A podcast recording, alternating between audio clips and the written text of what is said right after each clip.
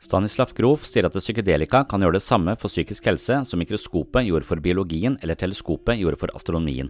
Jeg undersøker dette i samtale med filosofiprofessor Ole Martin Moen. Da LSD ble først oppdaget på 1940-tallet, virket det som om forskerne sto på trappene til en psykologisk revolusjon. Psykedeliske stoffer var uhyre potent, og det kunne virke som om de åpnet for ny innsikt i bevissthetens dype mysterier. Samtidig kunne de ha helbredende effekt på en rekke psykiske plager og avhjelpe rusmisbruk. Men på 1960-tallet oppsto det sterke krefter som ville tvinge hippiebølgen i kne, og dermed ble mye av forskningen på LSD tatt med i fallet. Og siden ble det mer eller mindre forbudt.